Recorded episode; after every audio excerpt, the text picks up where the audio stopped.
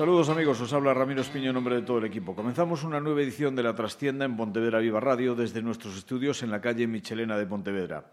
En el fútbol los aficionados conocen a jugadores, entrenadores, árbitros y hasta directivos, pero hay unas personas sin cuyo trabajo difícilmente podría entenderse ahora mismo este deporte y también otros muchos que ya van llegando a un nivel de profesionalismo elevado. No se les ve, suelen trabajar en la sombra, salvo que sean Jorge Méndez, claro son los representantes. Ellos se encargan de casi todo lo que necesita un futbolista. Son sus asesores, sus apoderados, negocian por ellos, les aconsejan, son parte y culpa, entre comillas, de lo bueno y a veces también de lo malo que pueda haber en la carrera del deportista. Son los representantes, para algunos, especialmente los directivos, una especie de clavo ardiendo cuando necesitan reforzar a su equipo y también algo así como las bichas cuando les exigen mejoras de contrato para sus patrocinados y quieren sacarlos del club para otros destinos más apetecibles. Félix Gende y Suso Martínez, representantes, bienvenidos. Muchas gracias, venga yo. Bueno, a ver, contarnos para empezar qué hace, cuál es la función de un representante. A mí por edad, ya me pues, señaló el que tengo enfrente, Félix, que es más joven que yo. Mira, mm, la función de un representante lo has dicho tú en la presentación, más o menos. Bueno, pues yo, más que representante, cuando hablo con un jugador amigo, apoyarle en todo, darle confianza y, bueno, pues las necesidades de día a día, de mes a mes, de año a año. Pero, bueno, mm, las cosas cambian mucho y a veces, pues, pues no todo es, no todo es solo lo que reluce. Llegas a un club te maltratan, cuando vas a, firmar a un jugador todo es la puerta abierta, cuando el jugador está sin cobrar y vas a reclamarle, medio te echan de allí. Y bueno, un poco eso, o sea, el, estar con él, cuidarle, mm, no sé, apoyarle en todo y, es un poco la función de un representante. El jugador no va a jugar si el representante es bueno o malo, si el jugador no tiene condiciones, por muy buen representante que tenga, no, eso es un bluff y es un mito que está ahí e que a veces os padres te ven, oye, que meu fillo non xoga e tal, eh, o, eh, o aquel que tengo representante, non sei que tal, juega. No. Tu hijo juega si tiene que jugar y si no tiene que jugar por muy buen representante que tenga, eh, el entrenador no es tonto y no va a echar piedras encima de su tejado y jugará si tiene condiciones y no, no. Y entonces, bueno, pues hay sabores agrios, dulces y hay de todo en la, en la profesión esta, como en todas, me imagino. Feliz. Bueno, yo, yo desde luego desde el principio interpreto que, que al final un representante tiene que ser el padre deportivo del jugador. ¿no? Nadie quiere mejores cosas para, sus hijos que los padres, evidentemente, en este caso en el terreno deportivo, la gente siempre tiene que querer lo mejor para, el jugador, poner los pies en el suelo, hacerle ver las cosas, entenderlas, y después sí que es muy importante en su carrera tomar decisiones. ¿no? Y la toma de decisiones, por desgracia, pues muchas veces los padres se creen que están preparados para tomarlas y, y no es cierto, ¿no? Y entonces siempre va a depender la carrera de un chico, mm, principalmente si hablamos ya en un ámbito profesional, de las decisiones que se tomen, tanto futbolísticas como contractuales, porque el periodo futbolista, pues bueno, puede tener a lo largo de, de su carrera cinco o seis contratos, entonces, bueno, siempre que partas de un contrato un poquito más alto, cuando llegues al bueno, bueno, que puede ser el tercero, pues tendrás ya unas cantidades un poco más elevadas, eh, conseguirás un, mejores condiciones para él, para su familia, para su entorno, y, un poco es eso, ¿no? Tomar las decisiones adecuadas en cada momento. Y si en un momento tienes que decirle cosas que no le gustan a él y, muchas veces a su familia, pues creo que también forma parte de nuestro trabajo, ¿no? Y ahí, y ahí es donde empiezan los problemas con las familias, antes que con los representantes de los clubes. Totalmente, lo que dice Felu. Mira, eh, yo voy a decir una barbaridad, pero bueno, digo una barbaridad pues porque, porque se puede decir. Hoy el 90% de los problemas del fútbol son los padres. Pero no en la Junquera, ni en, ni en ni arriba la Madroa, ni en Abegondo. No, no, la Ciudad Deportiva Real Madrid, en, en la ciudad del, del, del, Atlético de Madrid, en o sea, en cualquier lado. Es un problema enorme, enorme, enorme, enorme.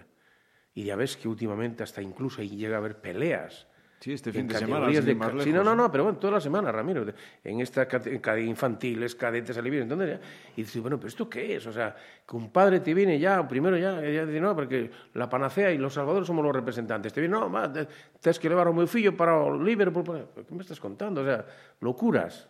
Y luego, claro, oyes cosas y bueno, nosotros, mm, Feluco también, me imagino, claro, y yo, que hemos viajado y viajamos tal, dices tú, coño, pero es que no es en la, en la- no es en la Junquera, no, no, es en todo el mundo. ¿No será que todo el mundo de repente quiere que su hijo sea un Messi o un Cristiano? Sí, pero la mayoría de ellos para vivir de los hijos, que es curioso. Y le ofreces, dices tú, tu hijo tal, no, no. tu hijo va aquí, tu hijo tiene que pagar por jugar ahí. Si tu hijo va al Real Madrid, Atlético, o sea, un club profesional, no me vengas hablando de que cuánto dinero va a ganar un chaval con 14 años. ¿De qué me estás hablando? ¿Cómo con 14? No, no, no. Tu hijo que vaya, que se forme, que estudie, que se haga hombre y a la vez juega al fútbol. Y luego ya hablaremos de dinero. No, no, entonces ya no vale. Ya tiene que venir el vende motos que le dice, no, pum, pum, pum, tal. Y es un problema enorme. Pero, no- en todos los lados, ¿eh? no en Pontevedra, en toda España. Y no será, digo yo, que a lo mejor el hecho de que la figura vuestra haya llegado, eh, obviamente, como en todos los colectivos, ¿no? Hay bueno, regular y malo, evidentemente, pero que haya llegado a edades demasiado tempranas a los niños cuando aún no hay por qué manejar cantidades, no debería de haberlo, sino que debería ser una etapa meramente formativa pero que sí que llegan determinados representantes que a lo mejor con no demasiada profesionalidad o con falta de escrúpulos prometen el oro y el moro y a partir de ahí se empieza a armar el Belén. Bueno, yo interpreto que a mí me gustaría que, que los agentes eh, se dedicaran a coger futbolistas, para mí, en mi opinión, por lo menos a partir de cadete del último año. Eso, por desgracia, no es visible. Claro, es que estamos, perdona, eh, por, por concretar, intentando captar clientes. Bueno, eh, es, es un poco ilógico. ¿no? Yo, yo interpreto que debería de ser así, pero no solo la culpa es de los agentes. ¿eh? Sí, sí, por supuesto. Muchas veces que eh, mismo las marcas comerciales, eh, Nike, Adidas, eh, Puma, eh, cogen niños de 11, 12 años, le ponen a su disposición, no contratos evidentemente económicos, pero sí visten y, y mantienen uniforme a toda su familia. ¿Qué pasa con ese chico cuando tiene 2, 3 años más y Nike desaparece y Adidas desaparece y en su club desaparece? Es una frustración enorme. Y hay un problema enorme, enorme. ¿Cómo levantas eso después? Esto no hay quien levante eso. Es que al, al final, eh, muchas veces el representante, y pregunto, ¿eh? Eh, ¿sois los malos del fútbol? Sí, sí, claro, siempre. Siempre, pero es que esa es la, esa es la, la espada de Damocles que tenemos detrás. Y el jugador mm, es egoísta por naturaleza. El jugador, mira lo que voy a decir, voy a hablar en contra de mi profesión. El jugador te vende por un duro. No hay un jugador fiel, ni uno, pero ni uno, ¿eh? Es muy difícil, muy difícil. Es complicado. Muy, muy difícil, mira. Un chico y que a medida que va subiendo No, no, pero si es que, si es que esto, esto lo mueve todo el dinero. Uf, Yo te puedo dar ejemplos, Feluco es más joven que yo y, bueno, pues eh, yo hablo con, con respeto, hablo de la edad, ¿no? Por... Y entonces, claro, yo tengo detalles de, de- de hace muchos años, ¿no? Jugador que yo llevaba al Real Madrid y había un palista que se dedicaba a esto y, y me llaman a Tenerife, cuando Sergio estaba en Tenerife, y me dicen, oye, que, que llegó el chaval a entrenar con un BMW. Digo, ¿cómo? Sí, sí, que está con un BMW aquí, con 18 años, en el Real Madrid. No tenía ese coche ni Guti, que era ya crack en el... Bueno, tuve que hacer escala a Madrid y hablar con Butragueño y con Valdano y me dicen, oye, ¿qué pasa aquí? Bueno, pues le había comprado un coche, el, el señor ese que, que hacía pala en, en- en la ría y en el mar. ¿Qué? El chaval, claro, el chaval le prometió que lo iba a llevar a, a Milán, no sé qué, no sé cuánto, y tal, y el chaval, claro, pues bueno, un chaval con 18 años que se fue a Madrid, ah, pues venga un coche. Al día siguiente, claro, hubo que devolver el coche y volver a tal. Pero ya no, ¿entiendes? Y detalles la- de la esos... cabeza del chico no, no, no, y ya no estaba, y ya no el estaba, y, y luego yo me tuve que ir con a Alemania a estar 15 días allí. En fin, detalles de estos de- del fútbol que, que, que dices tú, bueno, ¿esto qué es? Y entonces, claro, pasa así, y, y te llega, te sale un mirlo que estás aquí en la junquera todos los días cuidándolo, o la madroa, o donde sea, y te llega a Madrid y olvídate que a los ocho días estará ahí lleno es tuyo. No sé si, no sé si le pasa a ocho días o, menos. Bueno, yo la verdad, la- el, el mayor mirlo que, que tengo que siempre tuve es Denis. La verdad estoy súper contento, muy agradecido con él, con su familia, evidentemente. gente muy normal, yo creo que va mucho también en esa, formación familiar, gente muy humilde, gente trabajadora, gente muy honesta y es el primero, ¿no? Y después pues sí que siempre hay el típico pues que se deja mangonear por cuatro cosas que le dicen y demás, pero bueno, yo creo que tenemos que estar, cada uno tiene que estar contento con su trabajo y saber que lo ha hecho bien. Si se equivoca, pues que se equivoque el jugador, ¿no? Yo siempre lo tengo claro, es decir, yo tengo problemas con clubes, evidentemente, como tendrás uso, y siempre es por defender al jugador. Pero es que nuestro cliente es el jugador. No, no, eso y lo que quiere el club es que nosotros seamos eh, trabajemos para el club en vez de trabajar para el jugador, para facilitarle todo. ¿no? Entonces, como yo no creo en eso, seguiré teniendo problemas en mi trabajo y en mi profesión con los distintos clubes que hay, pero defenderé siempre al jugador. Pero ¿dónde está el negocio? A ver, porque si vosotros empezáis, lógicamente, cogiendo chiquillos a edades muy tempranas, ahí obviamente no se cobran cantidades, vosotros tenéis que trabajar durante una serie de años también sin ver un duro. Claro, y al final no te vale para nada. Te costó dinero, lo que yo te decía antes, llega el chico, viene, no sé, el Real Madrid, o el Atlético Madrid, o cualquier equipo. El chico se va para allá, ¿y de qué te vale el haber estado todos los días de la semana ayudándolo en la junquera o donde sea? Eh, venga, cualquier necesidad que tenga, no vale para nada. Luego la pasta se la van a llevar los que están en Madrid, o el de turno, que sabemos quién es, que es el dueño absoluto de este negocio. Claro, no hay hablamos, hablamos de Jorge Méndez. Sí, bueno, sí, sí. bueno, ya, a ver, es un decir, porque Jorge Méndez, bueno, pues Jorge Méndez es un, hay que reconocer que es un crack y es un fenómeno, porque empezó vendiendo CDs y vendiendo electrónica en, en Viana de, de, Barsín y, ¿entiendes? Y es un fenómeno porque eso está, está fuera de toda duda. Pero te quiero decir que, que, lo que yo hablaba antes, que el jugador no es agradecido, o sea, un 1% puede a lo mejor mantenerte la fidelidad pero el 99,99 se te van, porque a ti te llega, o que es lo que hace Méndez y todo esto, oye, eh, ven la familia, no que el padre, que pues mira, el padre trabaja tal o no tiene dinero, ¿qué hace falta? Bumba, coche, casa, lo que sea. Entonces, claro, ante eso no puedes competir. Y el jugador no tiene sentimientos.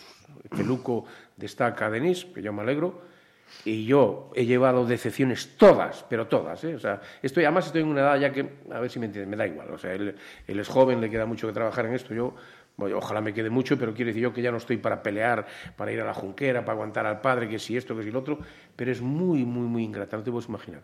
Muy ingrata, te gastas muchísimo dinero y al final dices tú, bueno, ¿trabajar para qué? A ver, Suso, tú por ejemplo has llevado a gente como Sergio Aragoneses, como Fran Rico, que llegó a primera no, división. No, Fran Rico, sí, yo, sí, sí, sí, claro, pues tú has tocado la, la tecla. ¿Fran Rico de qué? Si a Fran Rico a mí me lo levantó el presidente de turno y se lo metió en la mano a, a Iñaki ¿entiendes? Porque Iñaki venía con traje de alpaca aquí, vestía mejor que yo. ¿Y quién llevaba a Fran Rico? ¿Quién iba? ¿Quién venía? ¿De qué te vale todo eso? Y ah, claro, vendieron la moto de que fue al Real Madrid. Pero si cuando Fran Rico fue al Real Madrid ya hacía cinco años que lo conocía Paco de Gracia y que ya lo venía siguiendo. ¿Entiendes? Y como a, a, Yuri, a Charles y todos los llevaba esta persona, que él no tiene culpa, evidentemente, el trabajo, pues bueno, el presidente de turno dice, no, no, te vas con este, casi manejo yo el tema. ¿Entiendes? que vale todo eso. Llevas una decepción, llegas a Porto Novo, tal, y dices, bueno, ¿qué? Por eso te digo que es muy cruel, muy duro, muy duro. Y ahora tu jugador de mayor proyección es Kevin Presa. También, y estás, y estás en lo mismo. Ya le están llamando a la puerta y no solo Cruz. No, pero sí, pero sí yo te decía antes que no quería tocar temas cercanos y vamos, si no te importa, dejamos esos temas. Porque, tocamos lo porque es, es, exactamente, es hablar y tal, y luego eh, le perjudica a los chicos, porque luego llega el presidente o la presidenta o quien sea y que no, que no y tal, y, aquí se hace lo que digo yo y es, es jodido. yo, te, yo te digo, yo hasta, cinco, hasta hace cinco meses trabajaba en una de las empresas más, más fuertes de este país y posicionada en el séptimo lugar del, del mundo, ¿no? En, en, lo que son agencias de representación. Y un poco lo que dice Suso. Es decir, eh, yo es verdad que no comulgaba con, con ¿Me muchísimas... permites no, no, no, a ti mm. personalmente, sí, sí, sí. el aprecio es total y absoluto y el cariño y tal.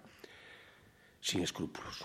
Sí, totalmente. Y, y, y, lo, y, él lo reconoció y escapó. Te lo estoy diciendo sin, sin escrúpulos, sin, sin cosas, cosas, que, cosas que no comparto, que no comparto. Entonces, las órdenes son claras y concisas. Este jugador, lo que haga falta. Lo que haga falta, es decir, no hay límite. Es decir, tú tienes por un jugador bueno y tienes que me lo invento, ¿eh? Vale, no quiero dar cifras exactas ni nada, pero tú tienes que adelantar 200, 300, 400, 500, no hay problema ninguno. Se adelantan. ¿Qué es lo se que hace? adelantan. Es un poco que a mí, eh, y yo lo puedo decir, eh, que no me prestaba esas cosas. Lo puedo decir estando dentro. Y lo puedo decir muy orgulloso y muy claro. Porque eh, siempre se ha puesto a nuestra, disposición, eh, pero yo sé lo que le cuesta a un agente, teóricamente como soy yo, un agente pequeño, empezar y seguir y tener tus jugadores para que llegue alguien y porque una simple razón de que tengo una disponibilidad de, pues toma la familia 250, 300, 4, 5, coger y el trabajo de esa persona. Yo creo que siempre he sido una persona muy respetuosa en ese, en ese aspecto y creo que nadie puede decir lo contrario de mí. Y entonces sé perfectamente lo que dice Suso y lo he vivido durante cinco años y aunque no en mi empresa, porque mi empresa pues era Promosport Norte y no se ha eh, tocado ese tema, pero sí que las otras delegaciones, en muchas, principalmente en Andalucía, pues sí que valía todo, ¿no? Es que al final casi digo yo que algunas de esas agencias, que son quizá las que provocan la mala imagen que se tiene el representante, a lo mejor habría que separar lo que es la gran agencia de representación del representante que está pasando frío muchas veces en invierno, mojándose y demás por campos a los que no van a Dios, porque es que es muy bonito decir, oye, voy al Nou Camp, imagino que tú ahora con Denis Suárez, que, al que sigues llevando afortunadamente y que sea por mucho tiempo, pues una cosa es ir al Nou Camp y otra cosa es ir, pues eso, a, A la a la Maroa jun- o a la Junquera. Xunqueira. No, O a la está- Junquera. a ver, está claro, y siempre un jugador te recibe de otra manera, pero también tienes que saber, joder, que, que hay que respetar el trabajo de, de los otros compañeros también, ¿no? No simplemente, mira, yo me ha pasado el caso con, un- con un representante gallego, eh, que evidentemente no voy a decir el nombre ni demás, eh, que le tenía mucho respeto y bueno, nunca, nunca le hubiera tocado ningún jugador, ni nunca... Vi- Vive en, vive en Sevilla. Eh, no, no, no. Vive en. Vive en Puente Areas. Ya, no, no, no. Es de Puente Areas, Es y, de vive Puente Areas, y vive en Sevilla. No, no, no, no. No es Rafa, no es Rafita. Ah. No es Rafita, no. Es otro, son dos. ¿Allí hay otro representante? No, son de aquí, de Vigo. Uno fue jugador del Ponte Areas. Bueno, da igual. Ah, ya, perdón, perdón, perdón, perdón, perdón, perdón, perdón. Sí, Y sí. entonces, cuando Ya yo está, ya empezaba- está, está. Blanco y en botella. Vale, Blanco y en Entonces, botella, sí, gracias. Cuando yo empezaba. Cuando Te lo yo- digo, perdón, te lo digo porque Rafa, luego te cuento yo una anécdota. Sí, Rafa. porque cuando yo empezaba y, y- y yo cogía a Denis con 15 años. Entonces Denis aparece en la selección sub-16. eh, bueno, fuimos eh, con un material prestado de Umbro, de que le facilitó unas cosas y tal. Bueno, pues esta gente ha intentado por detrás, con malas artes, malas mañas y demás. Y es una, una cuestión que yo esa sí que no la perdono. No la perdono. Y entonces, pues, el cabo del tiempo llevó a que yo también le quitara un jugador. Que a mí no me lo consigo quitar, que yo le quitara un jugador. Si no, en mi vida le habría tocado un futbolista. De verdad, nunca. Ahora, tampoco tienes que ser gilipollas, ¿no? Perdonando. Pero también si, si, si, si quieren eh, buscar por detrás X cosas y aún por encima intentar desprestigiar tu trabajo y demás, pues tampoco te debes de quedar quieto. Creo yo, ¿eh? No lo sé. Mira, me, Me, da la impresión, me da la impresión de que, perdona Suso, que con Denis al menos tocan hierro, ¿no? Porque tiene la cabeza muy bien amueblada. Sí, la verdad es que Denis desde un principio, él y su familia, eh, y ahora principalmente él, ¿no? Porque... Bueno, él ahora ya tiene edad para volar. Sí, pero ha salido ahora mismo, yo mi salida de Promosport viene dada por él. Es decir, él su entorno, pues bueno, no, creían acorde seguir allí y él me pidió expresamente que yo me tenía que ir con él. Yo estoy obligado, evidentemente. Es verdad que hay más jugadores que se han venido conmigo, como el caso de Alex López, que lleva conmigo también toda la vida, Diego Rivas, eh, bueno, es decir, llega un momento que tú también le tienes que devolver al jugador eso, ¿no? No, no hay más. Denis es un chico que, evidentemente está donde está, primero por su calidad futbolística y después evidentemente por su cabeza y su calidad humana, que son enormes, ¿no? Voy a contarte yo la anécdota de, de ese personaje de Puente Areas que vive en Sevilla. Tenía yo un jugador en el Celta B que está jugando en el Boiro ahora. Y bueno, pues un jugador que iba bien, es un buen jugador.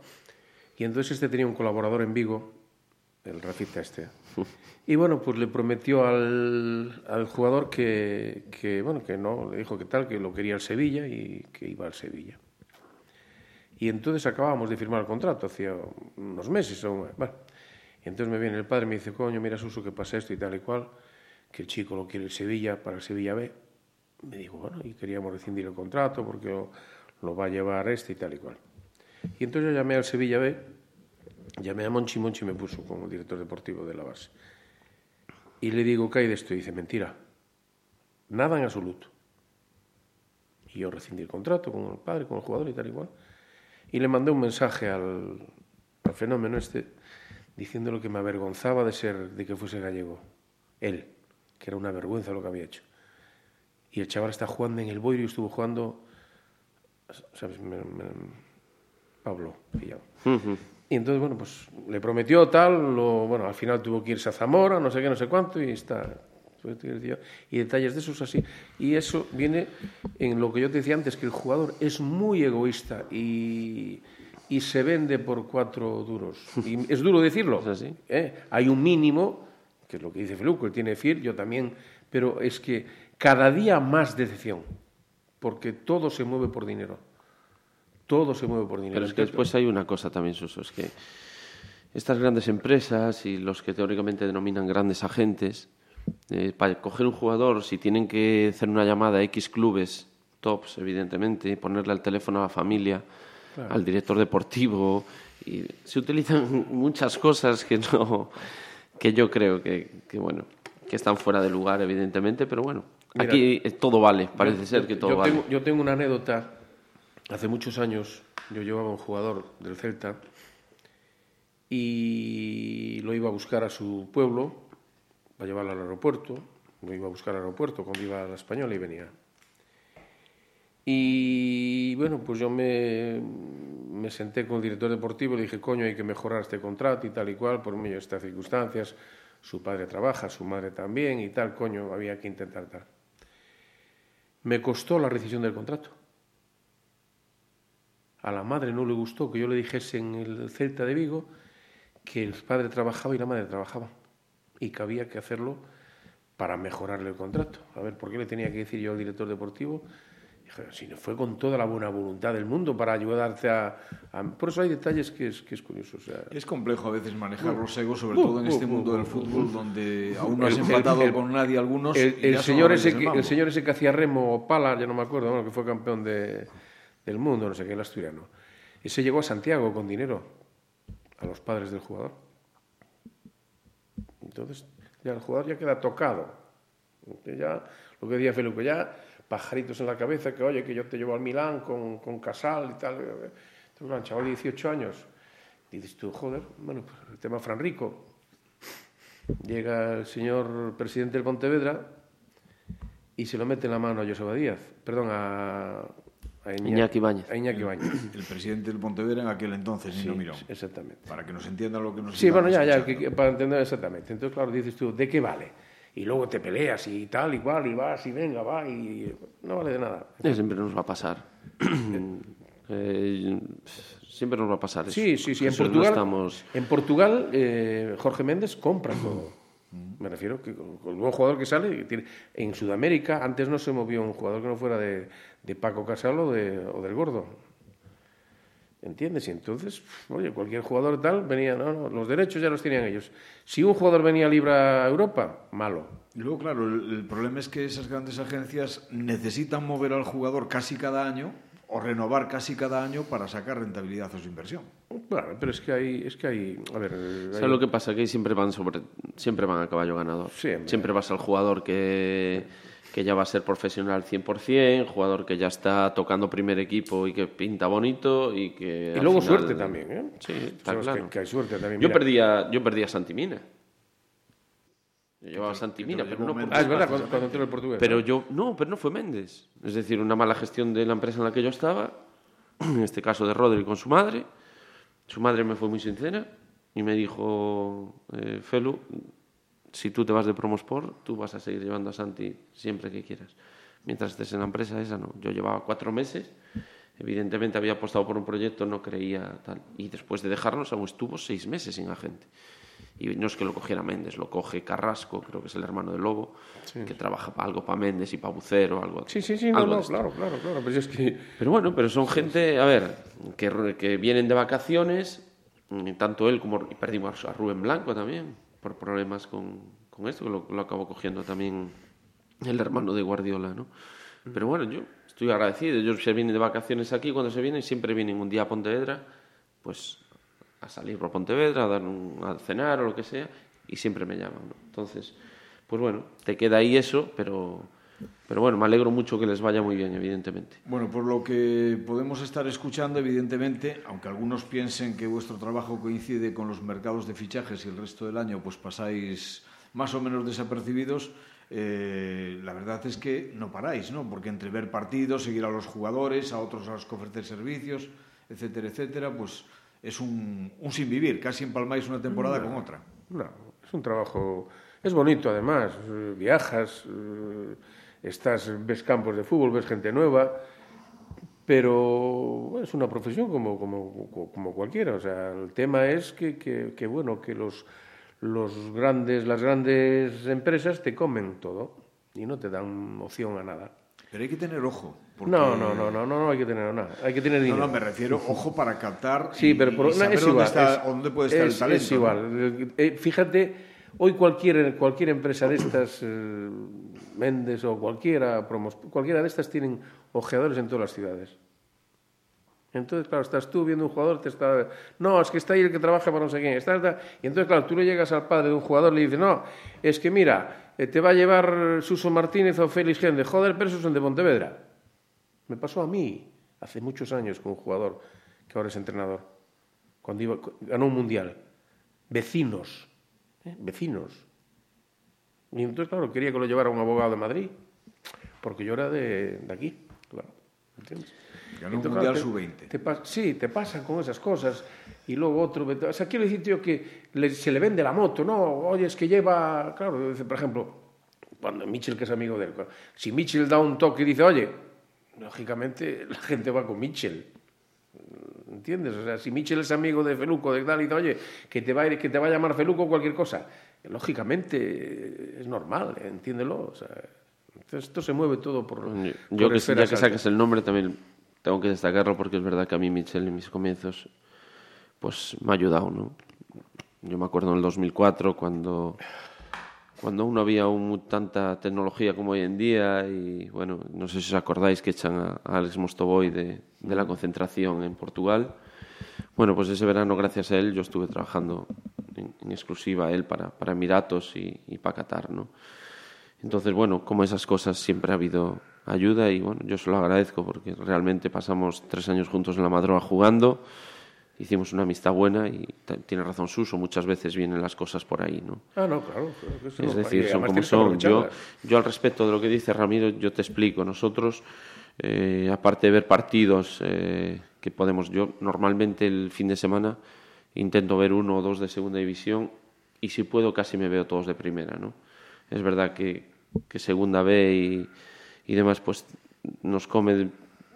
Es que hoy en día la segunda B tampoco da para mucho más, no da para, no, para que te podamos. come tiempo, dinero y, y, que no y, y productividad cero. ¿no? ¿Qué haces? Entonces, eh, aparte de eso, eh, semanalmente eh, yo suelo hacer scout mi propia cuenta, evidentemente, pues de liga como, ligas como Colombia, como, Ecuator, como, como la ecuatoriana. ¿Te, das cuenta, ¿Te diste cuenta de que, como habla inglés, ahora ya se pronuncia?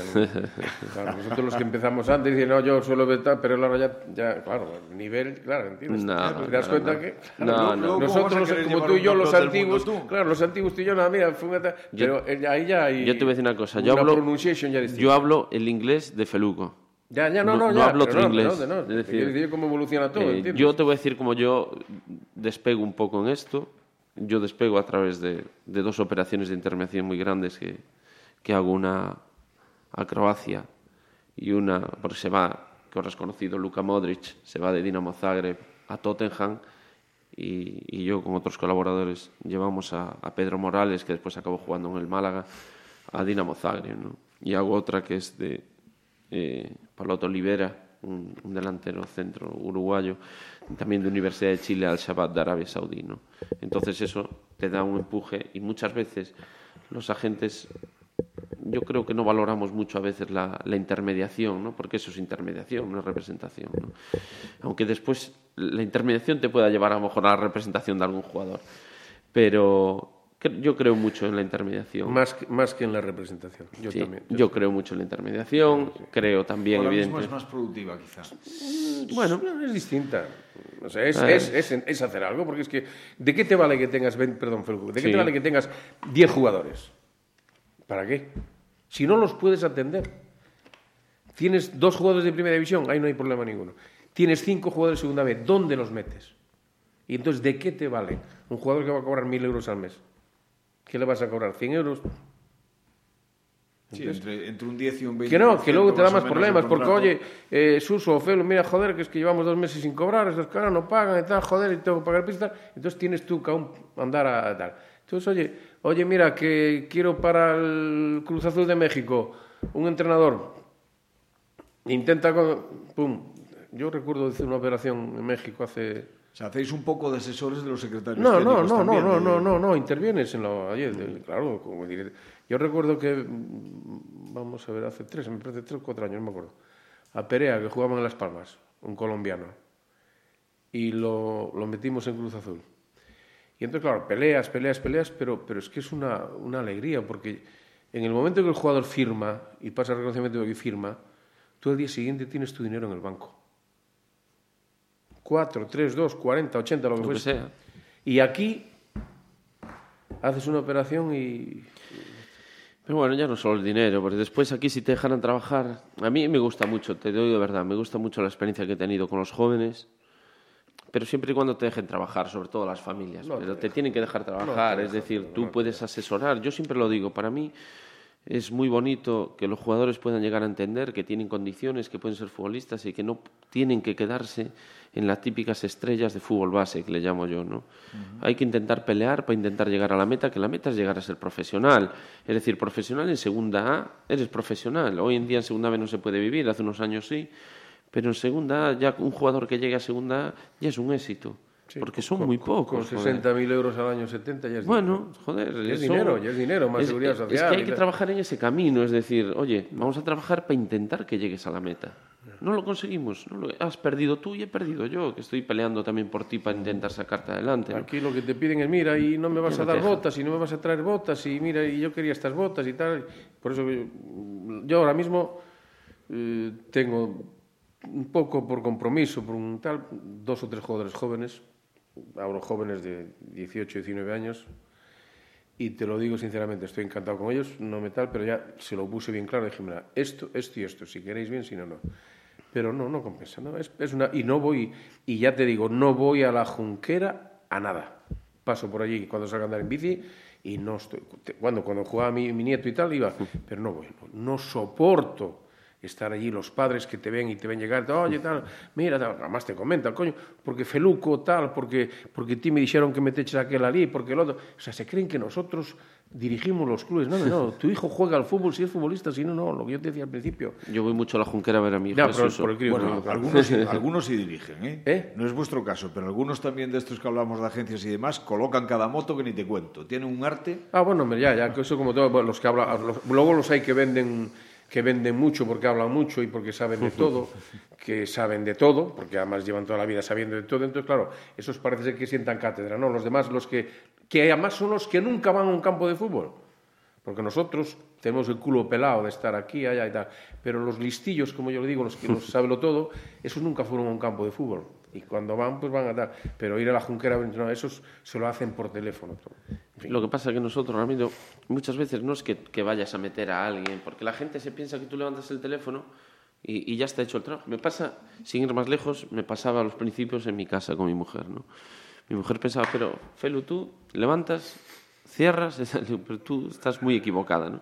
Como la mayoría de la gente. ¿Qué pasa? Que nosotros es verdad que nosotros movemos pero no movemos para que nosotros podemos mover que los clubes vengan a ver a este chico, porque tiene unas condiciones específicas que puede ser, pues yo qué sé, eh, para un club inglés, pues oye, los contactos que podamos tener en X equipos ingleses, oye, manda un scout si podéis, porque hay un chico aquí que potencialmente tiene para el fútbol inglés, tiene, creemos que tiene posibilidades, tal. Ese es nuestro trabajo realmente, pero no nunca le vas a decir, oye, firma este, no tenemos esa fuerza, a lo mejor otros sí. Sí, porque no, muchos ya hay. tienen dinero metido en No, el club. exacto, mira, yo... Porque Méndez en Portugal tiene mucho dinero metido en la No, mayoría de los y clubes. Manolo, mira, yo tengo un amigo que además es de, de hace años, ¿no? Y, y que luego uy, hicimos algunas cosas y tal. Y ese sí que se patea, y aún hoy. Y te hablo de Manolo García Quilón. Y aún hoy lo ves en los campos de fútbol y dice, joder, Suso, yo he pasado mucho frío en Majadahonda y todo por ahí, viendo partidos. Y, Pues Manolo, a ver, ¿Qué te voy a decir? Manolo ahora mismo en España, Méndez en tal y Manolo en España, pues posiblemente, hombre, de élite, Ginés, porque pueda tener tal, pero, pero- No, ahora yo creo que está Bahía, Sí, no, Bahía- está ya- Bahía y, y Quilón. y Manolo. Y claro, Manolo levanta el teléfono y le dice al presidente del Bulluyus, oye, que tengo yo este entrenador y tal y cual. Y va ese entrenador para allá, aunque tenga que pagarlo a Manolo. Claro. Entiéndeme. Que eso pasa también. Es dinero, porque oye, no, porque hay una inversión hecha. Hombre, Rubén, que ahora está en el Corucho, estuvo en la India hace poco, cuatro meses. Me lo mandó Manolo, vaya, hace un dinero y viene. O sea, digo yo que el fútbol es así. En el Atlético, en el Atlético Colcata, ¿no? También, Sí, sí, por ahí ando, pues sí, como sí. todos los de... Y entonces, claro, eh, a ver, en el Atleti Madrid Manolo tiene mucho dinero, tenía mucho dinero metido. Cuando estaba Sergio Aragoneses allí, yo lo sé, porque Manolo, ya te digo, éramos, somos amigos, y contaba, claro, los jugadores, oye, allí estaba, luego metió a Carlitos Aguilera en la base, en fin, eh, Caminete, allí de... El Atlético de Madrid lo maneja Sánchez, Exactamente, y entonces, claro, ese es el fútbol, De siempre. Ramiro. Y en el Real Madrid Méndez, hasta que tal, pues tenía también cosas puestas. Entonces, claro, Bueno, tienes- vamos a ir terminando y vamos a hablar un poquito de, de- de- del fútbol, ya no solo de los representantes, sino de lo que estamos viendo, de nuestro fútbol en concreto. Onoso Derby, este fin de semana. ¿Eso qué es? Himno galego, ambiente sin incidentes, un deportivo celta. A mí me sigue costando trabajo eso de llamarle depor, porque es una moda muy, muy antigua. Siempre ha sido el deportivo, ¿no? Ya, pero bueno, también al, también al, al B le llaman el de por B y es el Fabril. Sí. Ayer es curioso porque estaba yo, iba yo a, a Villagarcía o venía, no me acuerdo, perdón, venía del, del partido del, de La Rosa. Y estaba el presidente de la Junta, Núñez Feijóo.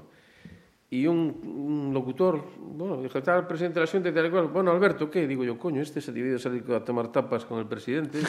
Sí, sí, sí, es curioso. Ayer, sí, sí. Dijo, bueno, Alberto, ¿qué? Digo, coño, debe ser amigo tal. El derby, lo mejor que no haya pasado nada fuera del campo. Yo creo que en ese sentido se ha Sí, ido sí. la cosa mejor pero en los últimos pero años, cuidado, afortunadamente. ha mejorado desde que entró Tino. Sí, con... No nos engañemos, con, con el personaje, eh, otro, otro, otro, te- o sea, es que teníamos para hacer un libro tal cual. Hay personajes en el mundo del fútbol, yo no, yo no deseo la cárcel a nadie, cuidado, ¿eh?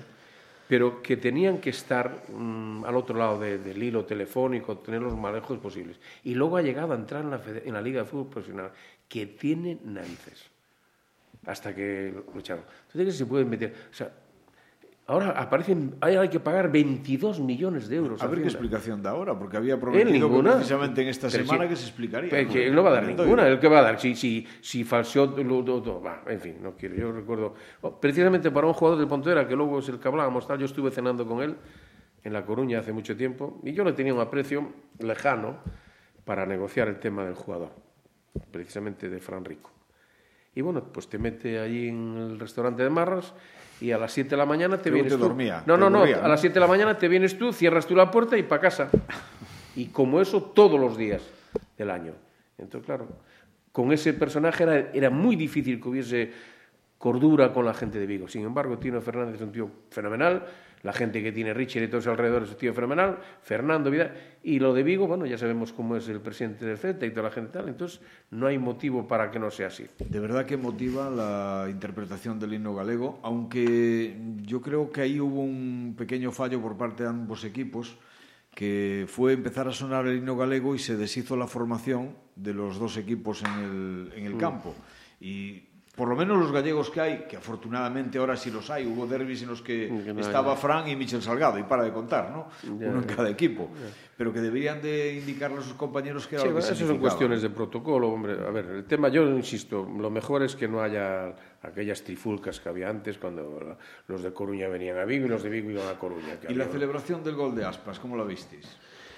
Bueno, No yo... nos estamos cogiendo todos con- Yago es muy temperamental y luego él no lo hace con Pero yo- mala yo creo que intención. tampoco hizo nada No, no, malo. pues es que no lo hace. Yago es. eh, además se lo conoce también porque yo lo conozco de pequeñito. Pues cuando Feluco lo conoció ya yo ya era mayor. Me refiero que. Porque claro, yo al hermano lo, lo llevaba yo, a, a Jonathan. Entonces, claro, yo a, a Yaguito lo conocía siendo así, un crío encantador. Él tiene esas cosas que no tienen mala intención y entonces cada gente que le puede sentar mal, él no lo hace. No, no lo hace no lo hace por joder y perdona la expresión, ¿entiendes? Yo sinceramente, yo creo que con el tema de las celebraciones y las supuestas faltas de respeto, yo creo que nos estamos pasando cuatro Sí, pueblos. sí, sí. Me da la sensación, porque, eh, Concho, eh, celebrar un gol, no vas a poder celebrar un gol cuando es lo más grande que pueda haber en el fútbol. Mira, yo con Yago tengo una relación actualmente casi a diario. Yago para mí es un chico fantástico, pero fantástico, ¿eh? te lo digo de verdad. Eh, no lo que se vende, lo que tal, es un chico que es un pedazo de pan, un buenazo, es increíble. Yo estoy seguro que se le viene, tú al final tienes un gesto, hay alguno que mete un gol, echa a correr, levanta, tal. Él tiene el gesto de siempre, mete el gol, tira de la camiseta y señala. Lo que dice él el otro día en, al acabar el partido, dice, me coincidió, porque es verdad que lo metió allí y le coincidió. Sí, en ese fondo. ¿Qué haces? Eh, Te No- no- retraes. no vas a dar la es vuelta y difícil, por otra. Es difícil. Yago creemos que ha bajado su nivel de intensidad, digamos, mala intensidad en los derbis, en mucho, y siempre ha Sí, aportado sí, desde sí, fuera. sí, sí. El año pasado con Lucas Pérez. Y sigue, ha bajado esa intensidad de ya no, Coruña no, no sé qué. Está haciendo todo lo posible por bien. Estoy seguro que no lo ha hecho por mal. Seguro. no, no, yo también, yo Y- también. Y, en, los de, y en los dos del partido de ida, eh, de aquí, que le coincide en la portería de, de marcador, creo que es, él hace así porque, si os dais cuenta, antes los celtarras se situaban allí. Entonces siempre el gesto es hacia esa zona. Coincidió que arriba estaba tal, pero es siempre hacia ahí. Es decir, no veo ninguna mala intención, No, Yo, sinceramente. sinceramente, creo que los que hablan de falta de respeto no han jugado al fútbol ni a las chapas. Mira, Porque no saben lo que puede significar para un jugador, y más si me seas nacido en la cantera, como el caso de Yago Aspas, que en un derby de estos marques el gol de la victoria. O sea, el y, y que, nunca había brutal. metido allí. Más falta de respeto es que después le digan Yago muérete o Yago hijo de puta. Sí, o- eso, es el fútbol, Bueno. lo sabes. Mira, yo veo más, por ejemplo, si quieres, extrapolamos un poco el tema. A mí hay un tema que me preocupa, a ver, me preocupa no, porque yo soy del Atleti Madrid y a mí todo lo que haga el vecino del otro lado, de, la ciudad, me da igual. Yo soy del Atleti Madrid de siempre, además, o sea que, oye, tengo esa virtud.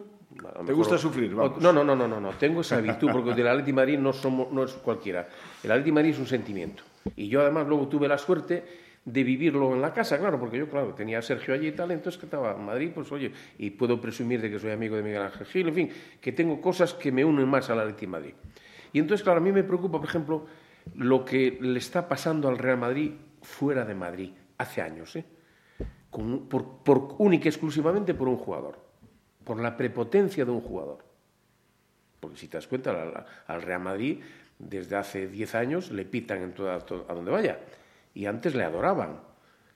Y a ese jugador en concreto, que estamos hablando de, de CR, Cristiano. exactamente, a ese le pitan, pero no dicen, no, es que le pitan en Coruña porque tiene manía. No, no, coño, le pitan en todos los campos de España. Incluso ahora mismo en la Champions League. Algo ha hecho mal para que le piten. La prepotencia que tiene, la soberbia, y luego, claro, oh, no sé qué, no sé qué tal. Entonces, claro, el fútbol tiene estas cosas. Luego los hay humildes que son 100 veces más jugador. Y Iniesta, Andrés, por ejemplo, es un chico humilde. ¿Quién juega? ¿Quién mueve la pelota en el mundo como la movinista? que no está para 90 minutos, nadie lo discute. Y luego, claro, si alguien a mí se atreve a compararme, que lo hacen, evidentemente, los de Madrid y los de Barcelona, a Messi con Cristiano, es que no, no. O sea, uno mete goles, ahora este año ya no los está metiendo, y ahora ya la prensa ya está diciendo, no, ya, pasador y, y tal, ah, ya es pasador.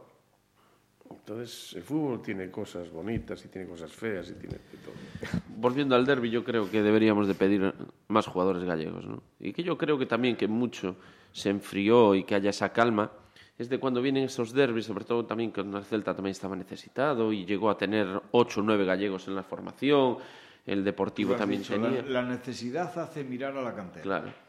No, eso siempre pasa. Bueno, sabemos que el fútbol es cíclico en ese aspecto, ¿no? Sabemos que cuando hay necesidad... eh, eh, a mí me da pena porque, a ver, voy a decir algo que evidentemente siempre me ha acarreado muchos problemas en Vigo, ¿no?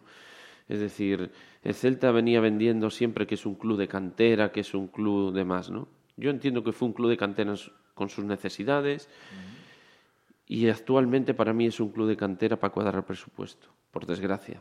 Porque si tú quieres... Vendió, vendió mucho, vendió mucho el tema, ganó mucho dinero hace 3, 4, 5 años, Sí, pero ahora mismo te vas al Celta B y, y me parece que hay dos o tres de Galicia.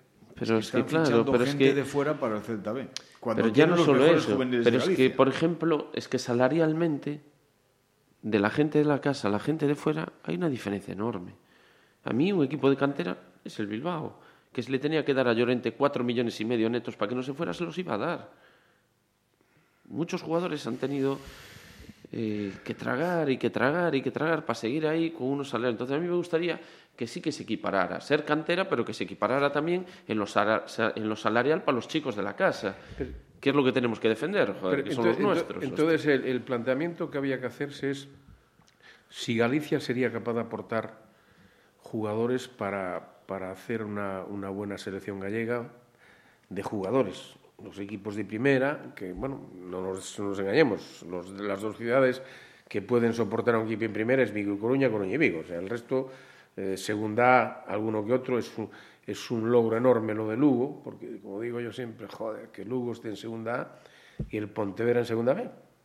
¿eh? la contradicción, que en Lugo van 1.500 personas, 1.800 al campo y aquí iban en segunda, si le metes segunda van 7, 8, 9.000 personas. Entonces, claro, y luego, claro, revisar dices tú, pero coño, ¿cómo puede estar el Boiro en segunda B? El Boiro no da para segunda B, el Arrosa sí da para segunda B, o sea, pero es muy difícil, porque dices tú, ¿cómo, cómo, cómo coordinas eso? ¿Cómo haces eso? O sea, que el, que el Ribadumia, eh, tercera división.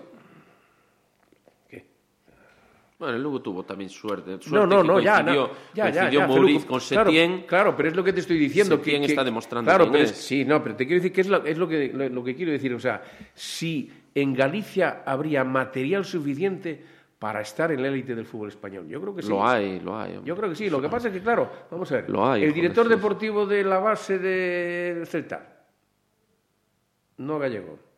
El director deportivo de la base del Deportivo, no gallego. El director deportivo de Lugo, no gallego, hasta hace poco. El director. Todos de afuera. Entonces, claro, ¿qué haces? Da igual, por eso somos también igual. Cuando hay los gallegos también los criticamos. No, no, pero no, no, pero, no, pero, claro, pero es que es lo que te quiero decir. ¿Por Eh, qué Suso, no? ¿Por qué quizá, no? Quizá, perdona, eh, tú diste la clave antes cuando hablábamos precisamente de vuestra figura de los representantes. Es que Feluco y Suso Martínez sois de Pontevedra. Por lo tanto, eso os cerraba otras puestas, ¿no? otras puertas Sí, sí, sí, para alguna gente. Bueno, pues a lo mejor ahí puede estar la clave. Eh, tenemos que ir cerrando ya. Vamos a ver, la temporada del Pontevedra y opciones en una hipotética fase de ascenso. ¿Qué creéis? Bueno, yo creo que hay que estar contentos, sinceramente, ¿no? Está metido dentro de, de posibilidades de playoff, va a depender mucho de los próximos cuatro partidos, yo creo. Eh, ha pasado un bache eh, tremendo, sigue ahí metido, parece que la Ponferradina no arranca. Yo no sé si el resultado de ayer propiciará que Munitis esté fuera y ya ser. está, ya está fuera. Ya está, ¿no? Ha dimitido, Vale, sí. no lo sabía. Ya sí. está fuera, sí, sí. Y, y es un tema que puede ser Va más Cla- peligroso, ¿no? Va Claudio Barragán, me parece. Pues, Pero no- pues- en teoría no puede entrenar. Sí, pero no puede entrenar porque ya entrenó este año. Hablaban de Claudio. pero es categoría inferior, ¿no? Sí. Entonces, a ver, yo creo que para mí mm, hay que estar muy contentos. Yo creo que el playoff está muy cerca. Hay que dar un, un apoyo total en estos últimos partidos eh, al equipo, tanto la afición como, como la ciudad. Y, y, bueno, intentar que se juegue un playoff, que es lo más bonito que siempre vivimos aquí, ¿no? ¿Y qué le recomendaríais, Uso, para mejorar la plantilla? ¿A quién? Al Pontevedra. Ah, yo nada, yo nada. Nada. No, no, yo nada, no. Prefieres no mojar. No, doctores tiene la iglesia y que, y que son, bueno, son profesionales y que se arreglen ellos. Bueno, pues Yo lo único que le deseo al Ponter es que suba de categoría y nada más, pero meterme en el tema ese que va, que va, que va. Pues ter- terminamos con la tercera división. Arosa en, puerto- en puestos de playoff, le costó, pero ahí está. Yo creo que tiene al Villalbés que, que empieza a perder, no sé si a lo mejor la lesión de Gerardo en esta Carrera categoría tú no opines porque ahí soy yo, que tú ahí no vas le a ha ver complicado. Céltica, Ribadumia Villalonga pasan de ser la revelación del año a tener problemas de permanencia. Está una tercera, yo por lo menos la veo así, más disputada que nunca, más compleja que nunca a la hora de conservar la categoría. Sí, sí. El Villalonga, es que era, a ver, no era normal que el Villalonga hiciese los resultados que estaba haciendo. Y bueno, eh, el, El Ribadumia está trabajando muy bien, pero claro, eh, hay lo que hay. Sierra tiene lo que tiene y no hay más. Y entonces, bueno, pues ya bastante están haciendo. Eres socio del Ribadumia, eso te lo dio Sierra, que es amigo tuyo. Y- No, no, bueno, no. Esto ¿eh? está pagado. Para los No, que- no, bueno, ya te lo dio Sierra, Para lo trajo él, hombre, lo pagaste, pero lo trajo Sierra. permitirme- Que te lo dio porque es amigo tuyo y mío. Permitirme que cuente lo que está sucediendo porque los que nos Oye, están yo te, escuchando voy a no se enseñar, te voy a enseñar yo también el, el mío y el de Lumbia. Feluco le estaba enseñando a Suso su carné de socio del Ribadumia. No, no, me parece muy bien. Te digo yo que, que ojalá, pero es que es lo que hablaba yo antes, es muy difícil mantener. Mira, el Ribadumia está trabajando muy bien la cantera. Hay una cantidad de niños enormes, está un médico que está encargado, Toño, está Gladys, en fin, que hay gente ahí, hay técnicos, tal. El primer equipo está donde está y bueno, y sabía, yo me imagino que, que Sierra sabría al principio de temporada que iba a costar, que iba a costar, que iba a costar, porque bueno, empezaron sin, sin Changui, entró Changui, El problema es la falta de gol. pero es que, muchas eh, jornadas. ¿entiendes? El Y, y el Villalonga, eh, si pasa Javi Pazos dos o tres partidos sin marcar gol, pues tampoco. Javi, Javi Pazos, que el año pasado estuvo en pretemporada con el Ribadumia. un- Por eso, por eso. Te digo, o sea, Y hay no se cosas de fútbol. Y luego me hablabas del otro equipo, con el- que era Céltiga. y el Céltiga. Es que es muy, muy, muy difícil, muy difícil. Yo creo que... Yo creo que, que alguno, de los, que hay- alguno, Carajal. de los tres va a caer. Hay un Carajal ahora mismo con 40 puntos que parece que... Sí, sí, porque abajo están el, Podrías- el Dubra, Órdenes y... Sí, abajo ahora mismo, después de haber perdido ayer el Castro, pues casi casi que se queda fuera. Pero el problema no son los cuatro. El problema es que, que caiga el Boiro, hasta dos. que caiga el Boiro O sea, también. El Somozas evidentemente va a arrastrar al quinto y el Boiro podría meterse. Y cuidado la- arriba, porque arriba el único, bueno, el único no, porque pff, el Depor y, y el Bouzas. Y cuidado con el Bergantiños. El Arosa, mm, que yo, claro, yo estuve en el Arosa, ¿te acuerdas? En el año 83, 84, tú no habías nacido, ¿no? No. Y, Bueno, yo tenía 11 años, ¿eh? te- joder, tenías 11 años de aquella, bueno, por eso te digo, no, no yo, ya estaba, yo ya estaba en Salguiriños, jugando ya. jugando ya al fútbol. Hombre, A joder. aquella no le dabas ni un, ni un, ni un No bowl. se vio no aquella no le dabas ni un bowl. Eh, entonces, te quiero decir que yo, Arosa es un equipo que quiero, evidentemente, porque, joder, y luego cuando estaba en la emisora, cuando trabajé en la radio y tal. Y entonces, ojalá, y además a Jorge lo llevé yo, a, a Otero. Tiene y entonces- un problema de falta de gol también, ¿no? Y No, aparte- no, no, no, vamos a ver. Yo, pues, como te diría yo, además a veces lo hablo con Jorge, le digo, mira, el Arosa tiene la necesidad imperiosa de meterse en playoff. Y a mí, claro, cuando me viene un entrenador, no, que quieren jugar al fútbol en tercera. ¿Pero ¿De qué, de qué coño estamos hablando? O sea, vamos a ver, la Rosa tiene que meterse arriba, como sea. ¿Entiendes? Ayer no jugó Sila, porque estuvo lesionado aquí y tal. Jugó luego... Hugo Soto, bueno, pues oye, es un jugador que siempre fue lento, buen jugador técnicamente, pero claro, no, no tiene la, la chispa y la frescura. Entonces, claro, tiene un grandísimo jugador que es, que es eh, Santos. Pero también tuvo Sergio. mala leche, ¿no? Porque ficha un delantero y se le lesiona los dos partidos y prácticamente se Sí, acabó la sí, temporada. sí, el pero bueno, pero te quiero decir que luego venga, salen de atrás, tocando, tocando, tocando. Vamos, vamos, gáname los partidos y méteteme en playoff, porque es que Villagarcía de Arosa y el Arosa es un club que paga al día y que van mil y pico de personas, Ramiro, a ver los partidos. Necesita, y además el Arosa en segunda B se mantiene perfectamente. Entonces, claro, aprieta, aprieta y dejaros de, de, de, de ahora que mi equipo juega bien al fútbol. Eh, vamos a, a ganar y métete en playoff. que- Ribadumia también juega muy bien al y fútbol. también juega bien al fútbol Ribadumia, exactamente, que Y es lo que yo te decía. de ahí jugando. Exacto, sí, bueno, ya el bien. año pasado se mantuvo Sí, jugando pero es que- y este año igual. Pero, Feluco, pero no tiene la presión que tiene la Rosa. Bueno, joder, Y, y- y en, Ribadumia, mimbres. en Ribadumia vamos 150 al campo. Sí, pero escúchame y una entonces cosa. 150, alguno puede decir, eh, no sé qué tal. Pero es que Pero en tú Villagarcía... sabes que, por ejemplo, una posición que para mí, que, en- que en tercera división tiene que ser fuerte, que es la defensa, tiene muchos niños. Sí, sí, sí, Muchos sí, sí, niños, está y es cada año, de- niño tras niño, Está jugando con año. críos de 20 años. Ya, Eh, pero bueno. ¿Qué decíais que no seguíais de segunda B y de tercera nada, no? Bueno, Casi- yo casi no, no, no, no, de tercera yo dije que yo sí, que sigo, no. yo sigo. Casi que mejor Escúchame, hacemos- yo sigo los equipos, evidentemente, sigo el Ferrol porque llevo a José Lu al delantero del Ferrol también, evidentemente, intento seguir los clubes gallegos de Segunda B y, y de Tercera División pues no me alcanza para, para mal. Pues- Veo al Ribadumia, porque aparte que el entrenador pues es íntimo amigo mío, pues bueno, me gusta verlo porque es Pero un equipo cuando- y que cuando- juega muy bien pues al fútbol. ¿Y cuándo vas a Ribadumia? Pues joder, cuando me coincide, Suso, cuando no Ah, estoy. ah. Mira que Suso pasa lista, ¿eh? Pues no, no, no, nosotros, nosotros vamos la pandilla, vamos a ver a que porque vosotros no luego... vais a ver el Pero no, no, eso- Vosotros no, vais- ahora- vosotros vais a lo que vais, Ahora vais a te voy. papar y después ahora a te voy. Ahora te voy. No, no, Sí, pero sí, es que, claro, la diferencia que hay de ir a ver un partido, por ejemplo, a otro sitio, que claro, evidentemente vas por tal, por obligación, pero es que nosotros el domingo por la tarde elegimos y decimos, vamos a ver la pandilla, ¿qué vamos a ver? Este, este y tal. Si vamos a ver esto, este, vamos a venir cabreados, y encima no podemos charlar, reírnos un poco al acabar el partido y tomar una taza de, de tal.